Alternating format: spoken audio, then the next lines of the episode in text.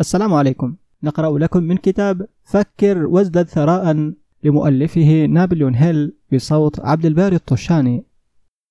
قوة العقل المدبر القوة الدافعة. الخطوة التاسعة نحو الثروات. القوة ضرورية للنجاح في مسعى جمع المال. فالخطط تصير جامدة وعديمة الفائدة دون قوة كافية لتحويلها إلى فعل. وهذا الفصل سيصف الطريقة التي تمكن المرء من الحصول على القوة ويمكن تعريف القوة بأنها المعرفة المنظمة والموجهة بذكاء. إن القوة كما يستخدم المصطلح هنا تشير إلى الجهد المنظم الكافي لتمكين الفرد من تحويل الرغبة إلى نظير مادي. ويتحقق الجهد المنظم عبر تنسيق جهد شخصين أو أكثر واللذين يعملان لتحقيق غاية محددة بروح متناغمة. والقوة ضرورية لجمع المال والقوة ضرورية للاحتفاظ بالمال بعد جمعه. دعنا نحدد كيف يمكن اكتساب القوة. إن كانت القوة معرفة منظمة فدعنا نستعرض مصادر المعرفة. واحد الذكاء المطلق. ويمكن الاتصال بهذا المصدر من المعرفة من خلال الإجراء الموصوف في الفصل السادس بمساعدة الخيال الإبداعي. اثنان الخبرة المتراكمة. ويمكن إيجاد الخبرة المتراكمة للجنس البشري أو ذلك الجزء منها الذي تم تنظيمه وتسجيله في أي مكتبة عامة جيدة، وجزء مهم من هذه الخبرة المتراكمة يدرس في المدارس والكليات حيث يتم تصنيفه وتنظيمه. ثلاثة التجربة والأبحاث في مجال العلوم وفي كل درب آخر من دروب الحياة يجمع الناس ويصنفون وينظمون الحقائق الجديدة يوميا. وهذا هو المصدر الذي يجب أن يلتفت إليه المرء عندما لا تكون المعرفة متوافرة عبر الخبرة المتراكمة. وهنا أيضا لا بد من استخدام الخيال الإبداعي كثيرا. يمكن اكتساب المعرفة من أي من المصادر السابقة ويمكن تحويلها إلى قوة من خلال تنظيمها في خطط محددة والتعبير عن هذه الخطط في صورة فعل. ودراسة هذه المصادر الأساسية للمعرفة ستوضح على الفور الصعوبة التي يلاقيها الناس إن اعتمدوا على جهودهم فقط لجمع المعرفة وترجمتها إلى خطط محددة للفعل. فإن كانت خططهم كبيرة وإن كانوا يتخيلون القيام بمشروعات ضخمة، لابد بوجه عام أن يستحثوا الآخرين على التعاون معهم، قبل أن يتمكنوا من غرس عنصر القوة الحيوي في خططهم. اكتساب القوة عبر العقل المدبر. يمكن تعريف العقل المدبر بأنه تنسيق المعرفة والجهد بروح متناغمة بين شخصين أو أكثر لأجل تحقيق هدف معين. فلا يستطيع أي فرد اكتساب قوة عظيمة دون الاستفادة من العقل المدبر. في الفصل السابع تلقيت إرشادات حول كيفية وضع خطط من أجل تحويل الرغبة إلى نظير مادي.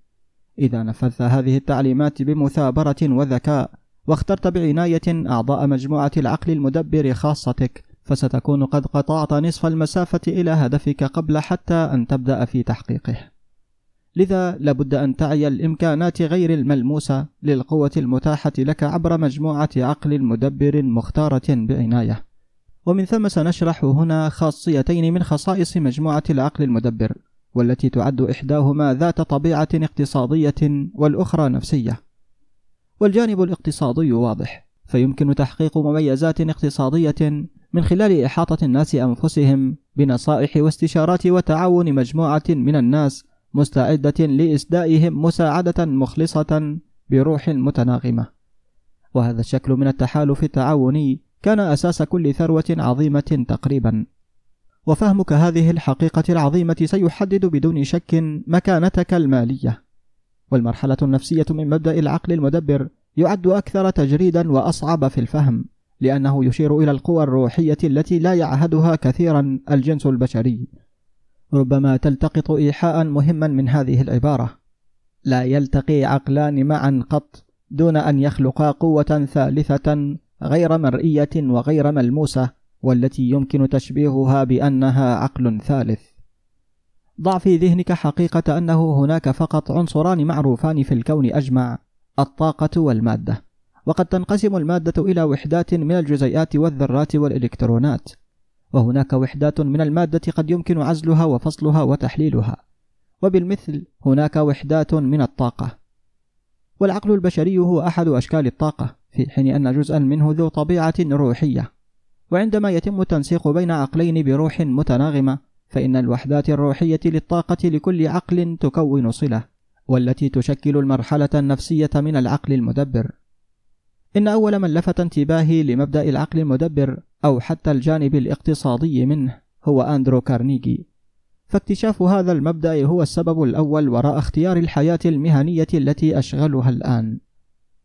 وتكونت مجموعة العقل المدبر للسيد كارنيجي من فريق عمل يضم نحو خمسين رجلا والذي أحاط نفسه بهم لأجل هدف محدد وهو تصنيع وتسويق الصلب. وقد يرجع الفضل في تكوينه لثروته كاملة إلى القوة التي جمعها عبر العقل المدبر. حلل سجل أي شخص استطاع جمع ثروة عظيمة والكثيرين ممن جمعوا ثروات متوسطة. وستجد أنهم إما وظفوا عن وعي أو غير وعي مبدأ العقل المدبر. إن القوة العظيمة لا يمكن حشدها عبر أي مبدأ آخر.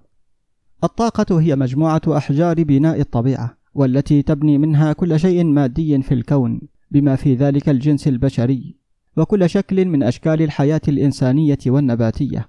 فعبر عملية لا تستوعبها سوى الطبيعة تقوم بتحويل الطاقة إلى مادة. وأحجار بناء الطبيعة متاحة لنا في الطاقة التي يتضمنها التفكير.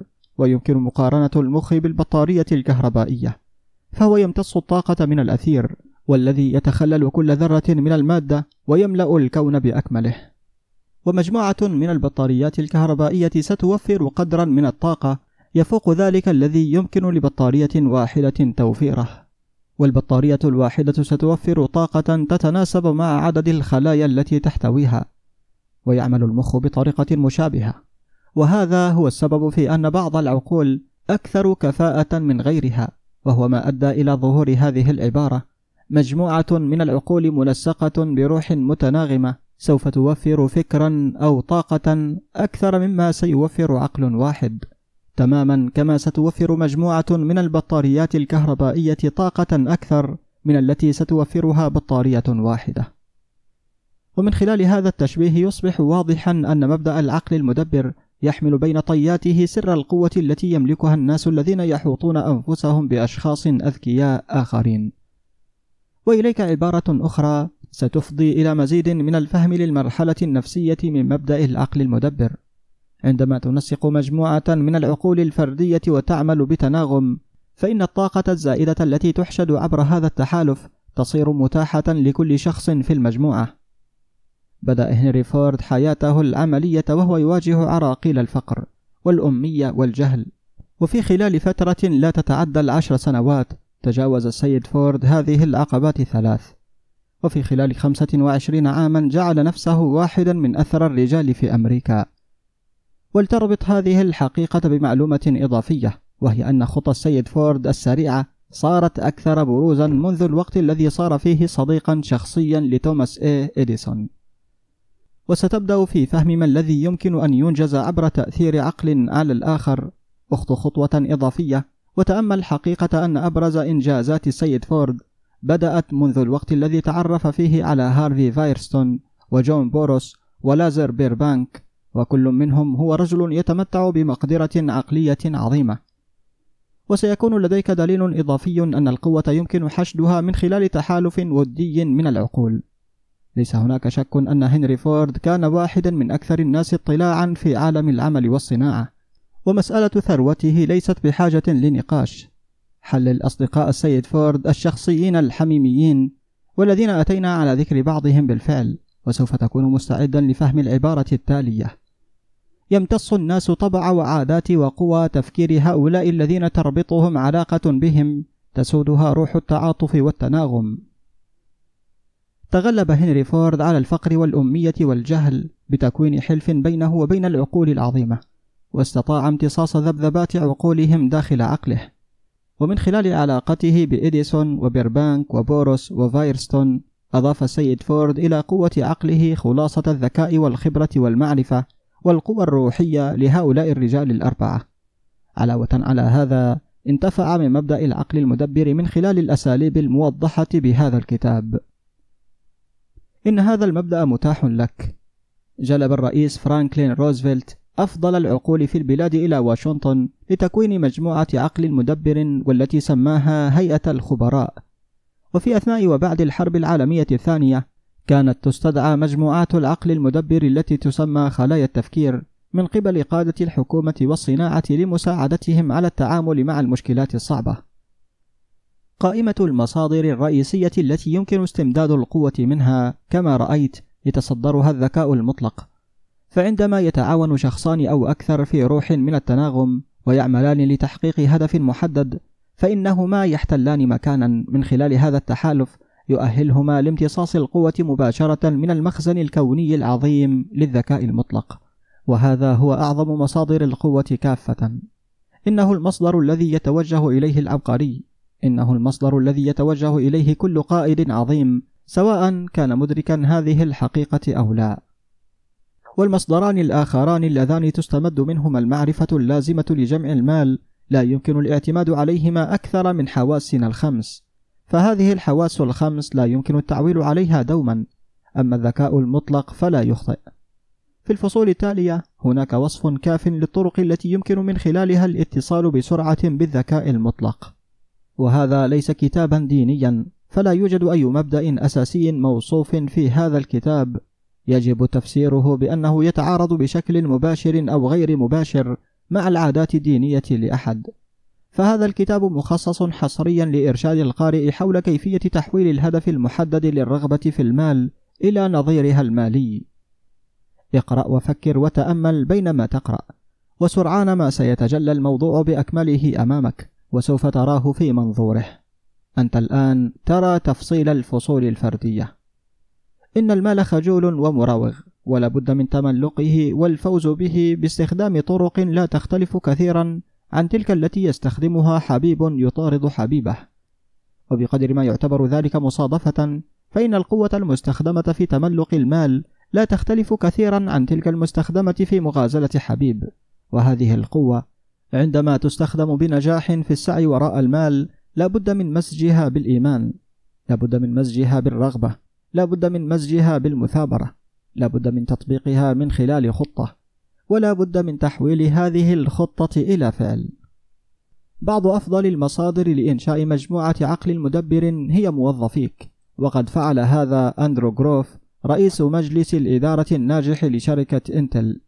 فيعمل جروف مع فريق من الفنيين والماليين والإداريين في بيئة عمل غير رسمية فليست هناك مكاتب خاصة أو أماكن خاصة لإيقاف السيارات أو مميزات أخرى للمديرين.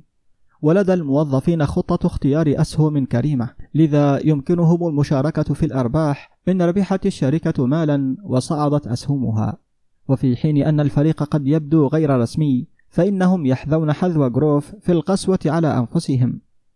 وعندما جابهت إنتل أزمة في عام 1976 بذل الفريق طواعية جهدا إضافيا وعملوا لمزيد من الساعات وقاموا بكل شيء ضروري لحل المشكلات.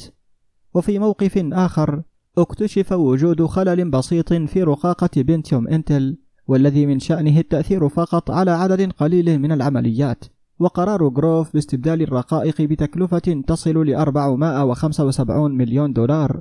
بدلا من تسليم منتج ليس مثاليا نال دعم زملائه الكامل. يشجع جروف موظفيه على العمل في وحدات صغيرة مستقلة والتي يعي بها الجميع النظام ودورهم فيه. فكل شخص يشارك بمعرفته وخبرته وإبداعه ويتم تدريب أعضاء الفريق وحثهم على تقديم أفضل وأقصى ما لديهم. وعندما تظهر الأزمات يكرس الفريق وقتا إضافيا وطاقة وقوة عقلية لحل المشكلات التي يجابهونها. عندما يأتي المال بكميات كبيرة فإنه يتدفق للشخص الذي يجمعه بنفس سهولة تدفق الماء فوق منحدر، فهناك جدول غير مرئي عظيم من القوة يشبه النهر فيما عدا أنه يتدفق في اتجاهين. أحد الفرعين يحمل كل من يصارع الأمواج للأعلى والأسفل وصولا للثروة والفرع الآخر يتدفق في الاتجاه المعاكس. ويحمل كل من هم تعساء الحظ كفاية للتواجد به والذين لا يستطيعون تخليص أنفسهم منه إلى الأسفل ناحية البؤس والفقر. إن كل شخص جمع ثروة عظيمة أدرك وجود هذا الجدول الحياتي. إنه يتكون من عملية التفكير للمرء. فالمشاعر الإيجابية للتفكير تشكل هذا الفرع من الجدول الذي يحمل المرء إلى ثروة. والمشاعر السلبية تشكل الفرع الذي يحمل المرء إلى الفقر. ويقبع داخل هذا فكرة بالغة الأهمية للشخص الذي يقرأ هذا الكتاب بنية جمع ثروة. فإن كنت تسبح في جدول القوة الذي يفضي إلى الفقر فقد يكون هذا الكتاب بمثابة المجداف الذي يمكنك بواسطته سحب نفسك إلى الفرع الآخر من الجدول. وهو يمكنه أن يسديك صنيعا فقط عبر التطبيق والاستخدام فبمجرد القراءة والحكم عليه بطريقة أو بأخرى لن يفيدك بأي شكل من الأشكال. وبعض الأفراد يخوضون تجربة التنقل بين فرعي الجدول الإيجابي والسلبي بحيث يتواجدون أحيانا في الفرع الإيجابي وفي أحيان أخرى في الفرع السلبي. فكارثة وول ستريت لعام 1929 أطاحت بملايين الناس من الجانب الإيجابي إلى الجانب السلبي من النهر. وهؤلاء الملايين صارعوا بعضهم في يأس وخوف للعودة إلى الفرع الإيجابي من الجدول. وهذا الكتاب ألف خصيصا لتلك الملايين. إن الفقر والثروة عادة ما يتبادلان الأماكن والفقر قد يحل محل الثروة. وعندما تحل الثروة محل الفقر فإن التغيير عادة ما يحدث عبر خطط محددة ومنفذة بعناية والفقر لا يحتاج لخطة. وهو لا يحتاج إلى مساعدة من أحد لأنه جريء ومتحجر القلب. أما الثروات فهي خجولة وجبانة ولا بد من جذبها. يمكن لأي أحد تمني الثروات ومعظم الناس يفعلون ولكن القليلين فقط هم من يعرفون أن خطة محددة بالإضافة إلى رغبة عارمة في الثراء هما الوسيلتان الواحدتان لجمعه. يجسد سلوك روس بيرو قوة الالتزام الصارم وليس التزامه فقط. ولكن أيضا التزام مجموعة العقل المدبر التي أحاط بها نفسه. لقد كانت لديه رغبة عارمة في الثراء وقد ناله. فقبل أن يؤسس Electronic Data Systems كان رجل المبيعات الأول لدى IBM. تم تحذيره أن ترك IBM لتأسيس شركة من الصفر هو أمر خاطئ.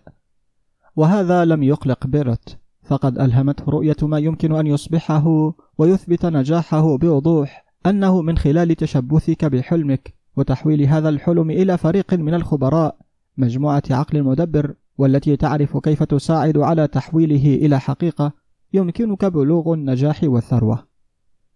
يؤمن بيروت بقوة أن الالتزام من شأنه تحقيق المعجزات وحدث هذا عندما تنافست ADS على واحدة من أكبر الصفقات في صناعة الكمبيوتر. ثمة شركتان IBM و ADS كانتا تتنافسان. IBM كانت أثرى كثيرا ولديها في فريق عملها مجموعة أكثر خبرة وأعلى معرفة من المتخصصين. وكان لدى إس فريق أصغر ولكن أكثر تفانيا. يقول بيروت متذكرا بعد مضي ثلاثين يوما من المنافسة دخلت الغرفة وكان رجالي البالغ عددهم واحدا وخمسين شخصا يقولون أيها الرفاق لن نستطيع على الأحرى الفوز ولكنها ستكون خبرة عظيمة. لم يجن جنوني لم يجن جنوني وأوبخ الناس. فقد صرت إلى لوحة الكتابة السوداء وكتبت المعايير السبعة التي سنقيم من خلالها. وبصوت خفيض ولطيف قلت سوف نهزمهم سبعة مقابل صفر. هذا هو اليوم الذي فزنا فيه. علق بيروت أن الزيادات والعلاوات واختيارات الأسهم وآلاف الوظائف الجديدة التي أتيحت عبر الفوز بهذا المشروع كانت بالطبع النتائج الملموسة لتحقيق هذه الضربة الموفقة. ومع ذلك فإنه يؤمن بأن الأهم كان الرضا الغامر الناجم عن المعرفة أنه من خلال العمل الكاد والإبداع استطاعوا هزيمة أفضل الشركات في العالم. وهذا هو ما يجعل إحدى الشركات عظيمة. فريق يعمل معا كمجموعة عقل مدبر لهزيمة المنافسين.